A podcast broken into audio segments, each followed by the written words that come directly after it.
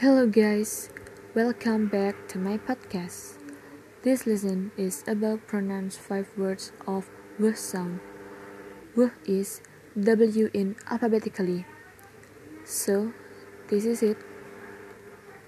Number one, wife, wife, wife.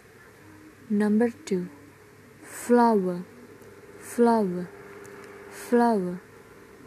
Number three, win, win, win. Number four, rewind, rewind, rewind.